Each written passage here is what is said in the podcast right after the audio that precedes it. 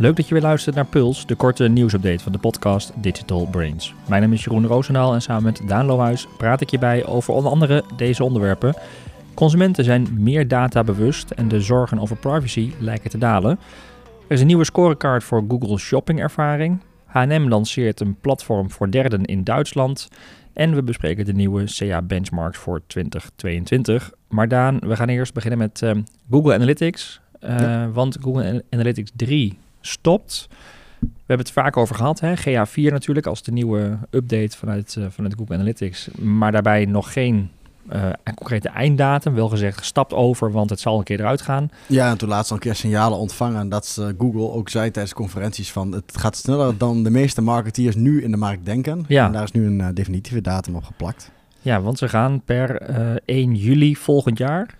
Gaat het echt uh, uitgefaseerd worden. Ja, dat is wel redelijk rap. Dat, dat je dus, uh, want ik, als ik zie hoeveel uh, sites, e-commerce platformen nog primair op Google Analytics 3 draaien, is dat best een heel groot aandeel. en ja, in juli is ja, een, een, ook een bewuste datum. We zaten net al even erover te hebben. Hè, van, het is een half jaar, echt de knip op een half jaar, zeg maar. Dus ja. de eerste zes maanden van volgend jaar kun je nog meenemen. Maar daarna kapt hij ermee. Dus het is een goede om uh, nu, als je nog geen Google Analytics 4 hebt, om nu eigenlijk voor 1 juli uh, over te gaan stappen. Omdat je dan inderdaad tegen die tijd in ieder geval nog een jaar data uh, aan historische data terug hebt. Ja, dat helpt met vergelijken. Dat ja. je weet tot wanneer kan ik vergelijken. Ja, dus zet hem in je agenda en zorg ervoor dat je in ieder geval zeker voor die tijd over bent. Maar het liefst natuurlijk nog eerder. En even voor de duidelijkheid, um, er komt dan gewoon vanaf die datum ook gewoon echt geen data meer in Analytics, in ja. de oude Analytics. Will stop processing new hits. Ja, ja dus er wordt niks uh, meer gemeten gewoon. Wordt gewoon ja. echt uitgeschakeld in één keer. Precies, gewoon up, eruit. En uh, ze zeggen wel, uh, je, je kunt nog in ieder geval... In ieder geval zes maanden nog bij je data. Waarschijnlijk is dat ik gok nog wel iets langer. Mm -hmm. Want uh, ja, ik, ik, neem aan dat, je, uh, dat dat wat langer blijft bestaan. Maar goed, wat heb je er nog aan hè, als het op een gegeven moment 1, 2, 3 jaar oud is? Ja. Dus je kunt er wel bij, maar het wordt in ieder geval niet meer uh, actief verzameld. Dus ja, een hele hoop configuratie en tag managers voor je doelen en voor de dashboards. Ja, daar ga eens na wat er allemaal achter hangt en waar, wat allemaal ont, signaal ontvangt voor Google Analytics 3. Ja. Want dat wordt dus ja, hard tijd om te updaten. Ja, we hebben destijds al gezegd, hè, toen het aangekondigd was, stap zo snel over. Dan heb je zo lang mogelijk die historische data in je nieuwe account zitten. En uh, nou, dat blijkt nu ook wel zinvol te zijn. En dus uh, alsnog snel overstappen. In ieder geval voor jullie dit jaar. Dan heb je nog een jaar, of tenminste dan kun je goed jaar op jaar vergelijken. Um, dan nog interessant, uh, we hebben het natuurlijk regelmatig hier over privacy. En er is een, um, een jaarlijkse privacy monitor, de Global Privacy Monitor, is een opdracht van... Uh, GDMA, dat is zeg maar de koepelorganisatie van onder, waar onder andere dus de Nederlandse branchevereniging DDMA um, is aangesloten. Mm -hmm. Die wordt wereldwijd uitgevoerd onder uh, 20.000 respondenten in 16 landen. En dat laat zien dat consumenten zich meer bewust zijn van hun rechten uh, over het delen van persoonsgegevens. Dat komt natuurlijk denk ik ook voor een heel groot deel door al die cookie-meldingen die je, die je overal ziet en alle aandacht die geweest is rondom de AVG. Ja. Uh, en ook hier in Nederland zien we dat natuurlijk ook, hè, ook rechtszaken die het nieuws halen, dat soort dingen. Um, en daarmee dalen ook de zorgen over privacy. Omdat ze enerzijds begrijpen dat het soms essentieel is uh, om data te delen. Maar anderzijds denk ik ook wel een stuk, stuk van bevestiging hebben uh, dat de data op een manier verwerkt wordt. Ja, ik denk dat er veel meer aandacht is ook in, uh, in interfaces of in UI, zeg maar, waar je langskomt. Wordt het zo vaak benadrukt dat er veilig wordt omgegaan met gegevens ja. en dat soort dingen. De uitleg dus over data. Relatief. Ja, het is natuurlijk relatief. Het zal iets dalen, maar nog steeds zullen mensen, zich er zorgen over maken. Maar, uh... Ja, want de, de zorgen rondom online privacy is nog nooit zo groot geweest. Wereldwijd ja. 71 procent, maar wel een, een dalende trend zichtbaar. Ja. Um, en ja, nou ja, goed, heel veel gebruikers begrijpen dus dat het, dat het belangrijk is en dat ze dus wat comfortabeler zijn bij het uh, delen van, uh, van data. Ja, en eerder was het ook gewoon veel negatief ook in het nieuws. Hè. Het was allemaal niet voor elkaar en veel bedrijven hadden het niet goed. En, veel uh, fout datalekken, dat soort Ja, datalekken veelvuldig. En dat is inderdaad de afgelopen periode denk ik ook minder in het, in het nieuws geweest. Ja, dus, ja en wat belangrijk is denk ik dat heel veel consumenten ook aangeven... Uh, we snappen dat die data nodig is, maar, maar benoem gewoon eerlijk waarvoor je het gebruikt. Hè. Ja. 77% van alle consumenten geeft aan dat ze het belangrijk vinden om te weten hoe die gegevens verzameld en gebruikt worden, zodat je kunt, uh, kunt kiezen. Um, nou, het is in ieder geval een, uh, een mooi rapport om door te lezen, maar wat wel leuk is, we zullen het linkje in de show notes zetten, is de infographic op de, van DDMA, waarin ze gewoon samenvattend visueel weergeven wat de belangrijkste conclusies zijn uit het rapport. Dus de moeite waard om even eens in te duiken. Dan eh, gaan we door naar eh, Google Shopping. Daar is een nieuwe scorekaart voor, eh, voor beschikbaar, Daan. Ja, het is niet een heel hoge impact, maar het is wel een heel concreet eh, actiegericht tipje voor degene die e-commerce bedrijven en die dus ook een Google Merchant Center hebben, Hm. die Google Shopping aanstuurt. Dus alle productadvertenties waarmee je enerzijds adverteert, aan de andere kant ook tegenwoordig organisch gewoon vindbaar kan zijn. En wat Google heeft gedaan, die heeft er een in je Merchant Center. Kun je eh, nu een, op, een, op een tapje groei klikken in het navigatiemenu. Dan krijg je een scorecard te zien die wat meer uitleg geeft en ook inzicht geeft over jouw ranking. Eh, ehm, eh, die naast de bieding ook belangrijk is om, ja, om die een rol speelt in de ranking, in de sortering van resultaten. Hoe kom je hoger? Met name ook organisch, maar ook voor het betaalde gedeelte speelt het een rol. En dat, dan kun je je score zien op, op verschillende gebieden, waaronder de verzendsnelheid, verzendkosten, retourkosten en de retourperiode bijvoorbeeld. Dat zijn dingen waarin je wat beoordeelt en dat kan Ja. uitstekend zijn, vergelijkbaar of juist nog een verbeterkans. Eh, dus dan krijg je wat concrete handvaten en geeft Google iets meer een kijkje in van ja, waarom eh, rank je hoger of lager en hoe doe jij het versus andere eh, shops. Ja, het is een mooie benchmark in Ja. informatie die je Ja, krijgt. en ze geven ook concrete dingen die je kunt aanvullen. Sommige dingen zullen een strategische keuze zijn, bijvoorbeeld retourkosten of een retourperiode, maar dat het ook echt invloed heeft op die, op die ranking en hoeveel dat dan is en, en hoe jij het doet ten opzichte van anderen. Er zijn eh, ja, handige en concrete statistieken waar je wat mee kan. En uiteindelijk ja, beloont zich in een ranking. Soms krijg je een, eh, bijvoorbeeld een badge erbij met eh eh, meest tevreden klanten of de, de beste verzendsnelheden bijvoorbeeld. Dus dat zijn dingen die de CTR verbeteren. Dus handig om te weten. Ja, ja. Nou, zeker. Goed om even naar te kijken als je daar gebruik van maakt. Ehm, wat ook misschien goed is om te weten is dat eh, H&M eh, gestart is met een soort eh, marktplaats. Een, eigenlijk een eigen platform. Ze noemen dat volgens nog de H&M with Friends. Waardoor ook merken van buiten de H&M groep eh, daar ehm, ja, geshopt kunnen worden. Ja. We hebben het, eh, een trend die we meer gezien hebben. Mediamarkt hebben we eerder ook benoemd. Decathlon geloof ik ook Decathlon, al. Die zeiden ja. van stel het open eh, als een soort marketplace. Ja, Ja. Hè, ze hebben de naam, ze hebben de traffic en daar kunnen andere merken dus ook op, op adverteren en dus ook op, ja, op gekocht gaan worden. Zit nog wel in een testfase, op dit moment in Duitsland en ook in de thuismarkt Zweden, hè, want het is een eh, Zweeds modeconcern H&M. Ja. Ehm, en het is de bedoeling dat de marktplaats die geïntegreerd is dus in de online shop eh, ook uiteindelijk naar andere markten wordt uitgebreid. Nou, ze zeggen zelf, deze landen hebben ze gekozen omdat ze enerzijds eh, in 1998 al in Zweden begonnen zijn met een online winkel. En ook in Duitsland de webshop al 15 jaar hebben. Dus veel ervaring. eh, en de markt kent die webshop ook, ook Ja. goed. Eh, dus daar, eh, daar de eerste test en waarschijnlijk verder uitrol. Ja, je ziet toch dat steeds meer of merken ook een soort eh, in hun strategie ook een soort twee Ja, beleid hebben van of we gaan alleen het, het frontje H&M en het merk en eh dat wat een soort plek om kleding te kopen, dan Mhm. de marketplace. Of aan de andere kant inderdaad diep geïntegreerd met eigen merken, dat soort dingen. Dat zijn eigenlijk volgens mij de twee strategieën die nog Ja. eh, overblijven. Om te, eh, ja, of je bent een merk en je hebt eh, keten in handen en je doet private label en daar haal je je marge weg. Of je bent het verkoopplatform. Ja. Ik, ben wel, ik vind het wel interessant van wat, zoals een H&M ook, die doet het dan een soort van allebei. Zo, en je hebt je private label en dat soort dingen. En dan bied je ook anderen Derde aan, aan, zeg ja. maar. Waar je tegenwoordig ja, het steeds meer... Maar ik denk wel dat je, hè, dat je bij Mediamarkt ook en, en Decathlon uiteindelijk ook, dat je Ja. dus je eigen brand met je eigen collectie en je eigen traffic daardoor. Ja.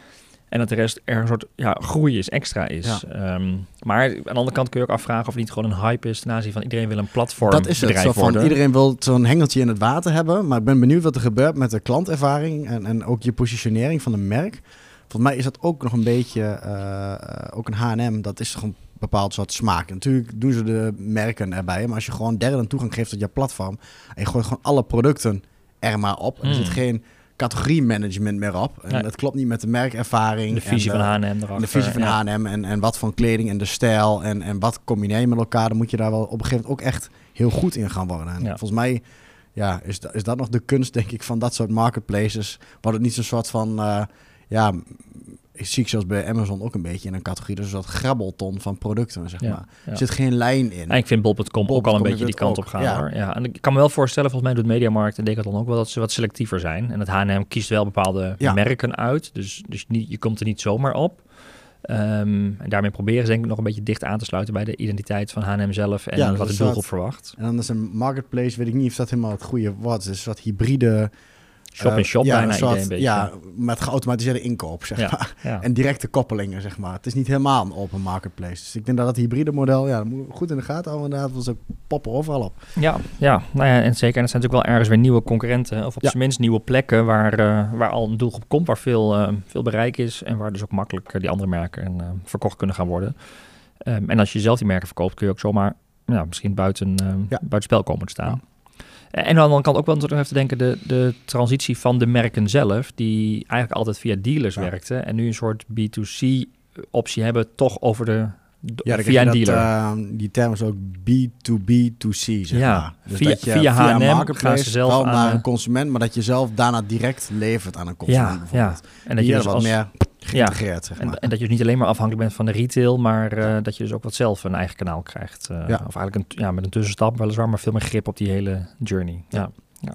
Maar interessant om te volgen. Hey, en eh, jij hebt een, een- ik ken hem trouwens helemaal niet, maar dat ligt misschien aan mij. Maar ehm, een nieuwe SEA-benchmark, het is altijd leuk hè, we zijn zo Q1, eh, Ja. ronden we af en dan komen steeds meer van die, eh, ja, van die, van die rapporten, hè, terugblik op vorig jaar en, en nou, daarmee ook een stuk analyse en verwachting naar volgend jaar, of naar dit jaar eigenlijk. De nieuwe SEA-benchmark voor 2022 van WordStream. Ja, WordStream. En volgens mij is het is overgenomen, zo goed ken ik het niet eens, door Local IQ. Hm. Dus dat is nou ook bij Local IQ. En WordStream was altijd eh, ook software die eh, aan, eh, aan eh, Google Ads automatisering deed. Zo. Dus die hebben verschrikkelijk veel users en data over Ja, heel verschillende ik industrieën heen. Daar ken ik de naam wel van inderdaad, Ja. maar de benchmark kende ik Ja, niet. eh. nee, en die, die deden vaker, eh eh, volgens mij één keer per jaar altijd, een, een benchmark waarin ze inderdaad de, de conversieratio's en click-through rates en eh, ehm, ook de CPC's delen over allerlei verschillende industries, in ieder geval de top 20, zowel in Google als in Microsoft Ads. Dus dan kun je ook als adverteerder een beetje zien van, hey, hoe doen wij het nou versus de benchmark? En nou is het wel zo dat ehm, de eh, CPC's natuurlijk eh, eh, ja, alle kanten op kunnen gaan. Verschilt Ja. heel erg per land en per markt. Maar vooral de relatieve verschillen voor een, voor een markt zijn wel interessant. Van hey, health and fitness of education bijvoorbeeld. Hoe, wat is daar de CTR? Is dat hoger of lager dan gemiddeld? Zeg maar? Mhm, Dat geeft je een mhm. beetje een idee van waar je zit met jouw campagnes. En ook als je een prognose wil maken, bijvoorbeeld echt nog wil instappen. Ehm, ja, bij, bij AdWise gebruiken we natuurlijk veel benchmarks. Soms wat, wat, wat specifieker van echt op case niveau, zeg maar. Ehm, maar deze zijn ook altijd een goed begin. Dat je gewoon in de benchmarks, ja, voor automotive, of shopping of, of retail of verzekeringen. ja. Zie je een beetje waar je aan begint ook als je bepaalde campagnes of propositie wilt testen voor eh, Wat je mag verwachten. prognose. Ja. Dus ehm, ja, zo, eh, en ook conversieratio's bijvoorbeeld. Ja, dat geeft wel een beetje inzicht in van ja, wat kun je verwachten. Ja. In sommige industrieën is het wel 10%, in sommige maar 2%. Ehm, dus eh, ja, een interessant rapport als je nog een keer ja, wat gaat doen met eh, een campagneplanning of wat inzichten wil hebben. Ehm, ja, is wel eentje die jaarlijks uitkomt en ook een goede reputatie heeft op dat gebied. Ja, en ook even een test inderdaad van eh, ja, hoe, hoe, hoe doe je het ten opzichte van. Het is misschien geen waarheid, maar je kunt wel wat eh, interessante inzichten uithalen Ja. om een soort eh, ook, weer, ook weer daar dus Ja, jezelf het geeft wat kaders Ja, van precies, eh, geeft wat is een normale CPC, zeg maar, is dat onze markt eh, Ja. 10 of, of, of, of 2 dollar, zeg maar. ja, en ik kan me ook voorstellen als marketeer richting bijvoorbeeld directie, eh, dat je ook Exact. ja, doen we het, hè, we doen, ik zie deze cijfers, zegt een directeur vaak, maar is het nou goed of niet goed? Ja. Nou, dat je in ieder geval iets aan data hebt waarmee je kunt benchmarken. Exact. Eh, We zien binnen on, voor onze industrie is dit normaal. Ja, Eh, ja. ja. Dan hoop ik wel dat het positief uitpakt voor jou als marketeer. Anders heb je een ander probleem eh, vervolgens. Ehm, ja, en dat is ook de, hè, de, los van inderdaad wat je inzet, is ook altijd wat de uitdaging hoe je dingen inzet en ehm, welke tactieken je gebruikt. En daar heb jij een interessant eh, wetenschappelijk eh, artikel gevonden, of in ieder geval insights gevonden, die inderdaad eh, marketingtactieken blootleggen. Ja, het is eh, van een, eh, eh, eh, een man die heet Nick eh, Colenda. En het is eentje, het is geen nieuws. Maar het, het- ik kwam laatst tegen dat ik dacht, hey, deze moet ik weer gaan delen. Hm. Dat is voor heel veel marketeers interessant. Eh, als je op zijn website kijkt, eh, Nick, eh, gewoon zoals je Nick zou schrijven in het Nederlands. En een Colenda is met een K, K-O-L-E-N-D-A. En eh, die heeft daar, eh, dat is een soort, ja, zo'n evergreen website. Die blijft altijd relevant en die wordt af en toe een beetje geüpdate met nieuwe guides. Maar hij heeft een aantal eh, ja, best wel mooie puntsgewijze ehm, tactieken eh, van marketing eh, op thema gerangschikt. Dus eentje gaat bijvoorbeeld over e-commerce of de andere gaat over prijsstrategieën. Oh ja. En dat is vaak één pagina. Effect van kleur. eh, Ja, hè, met een hele ja. concrete best practices voor e-commerce. Bijvoorbeeld voor je navigatiebalk. Ja. Of voor, bij pricing bijvoorbeeld. Hoe, hoe, hoe, hoe geef je pricing weer met grotere prijzen, kleinere prijzen, vergelijkingsdingen. Eh, met een streepje erdoor. En bij elke eh, aanbeveling of tactiek heeft hij eigenlijk gewoon een plaatje eh, staan. Ook een kort tekstje toegelicht van wat zou je kunnen proberen. Mhm. En daaronder ook een re- wetenschappelijke referentie uit welk gedragsonderzoek dat is voortgekomen, dat effect, waar ze dat de eerste keer hebben gedetecteerd. Dat wil natuurlijk niet zeggen dat het voor jouw shop werkt, maar als je gaat kijken naar UX-verbetering of je bent bezig met design of je zit in het proces van een website bouwen, zeg maar, eh, is het goed om dit eens door te kijken. Want er staan zo 20 concrete tips die eh, met e-commerce, best practices die je kan doorvoeren, die dus ook nog eens wetenschappelijk onderbouwd zijn. ja. Dus eh, super toegankelijk en ja, die guides is altijd handig om ja, deze zeg maar ja, te, te bookmarken, zeg maar. ja. Eh, Altijd ja. even achter de hand als een soort van... eh, Ja, even Ook echt mooi per proces. Wat, wat voor de aankoop, bij het vergelijken van producten, eh, het doen van reviews, wat zijn daar de best practices in? Hoe je de buttons bijvoorbeeld configureert tot en met wat zijn best practices in checkout. En dat is allemaal onderbouwd met data. Dus eh, ja, het zijn mooie, ehm, ja, mooi boekmarkje om eh, als je met eh, digitale producten bezig bent, je bouwt wat, om dat achter de hand te houden. Nou, je moet wel, zie ik, inderdaad je e-mailadres achterlaten als je iets wil eh, aanvragen. Waarschijnlijk krijg je hem ook per mail toegestuurd. Dan denk ik altijd van, wat, wat drijft zo iemand om dit allemaal dan publiekelijk eh, eh, te delen? Maar hij is inderdaad docent, geloof ik. Ja. Hij teach, eh, Ja, je kunt het downloaden als pdf, maar het hoeft niet, hè? Hij staat gewoon gewoon onder die, onder die guides. Kun je gewoon allemaal doorklikken, View. opklikken. Ja, ja. Ja. Ja. het is waarschijnlijk iemand met een, ook een persoonlijke reputatie. Hij is inderdaad een, ja, een academicus, zeg ja. maar. en vanuit hij geeft inderdaad, hij heeft ook allerlei lessen en boeken geschreven. Dus dat zal ook een soort ingang zijn naar, naar, naar die wellicht. Vind ik altijd inter- interessant, hè? Van hoeveel geef je weg? En, Ja. en wat heb je dan Wat is vervolgens... verdienmodel eh, wat is verdienmodel achter? ja. maar waarschijnlijk zit er daar een stukje autoriteit... eh, eh, waardoor misschien boeken en lessen bij hem gevolgd gaan worden. Desalniettemin voor iedere marketeer volgens mij heel zinvol... om, eh, om daar eens even in te duiken en te kijken... of het iets voor jou kan betekenen. En een mooie must, eh, ja, must see eigenlijk. Ja. En dan zijn we ook alweer doorheen door deze aflevering van, van de Puls. Veel behandeld, maar toch in een relatief eh, korte tijd. Ja. Lekker zo, effectief. zoals het moet. Zoals het moet, een kwartiertje weer bijgepraat. Ehm, en eh, wil je meer weten, dan vind je natuurlijk zoals altijd de show notes eh, op advice.nl slash podcast. Eh, en heb je zelf tips, vragen, reacties of ideeën, laat het dan weten via podcast.advice.nl. En eh, nou, je weet het inmiddels, maar wil je nieuwe afleveringen niet missen, abonneer je dan eh, op deze podcast in de favoriete podcast app of Spotify of YouTube. Weer bedankt voor het luisteren en heel graag tot de volgende aflevering.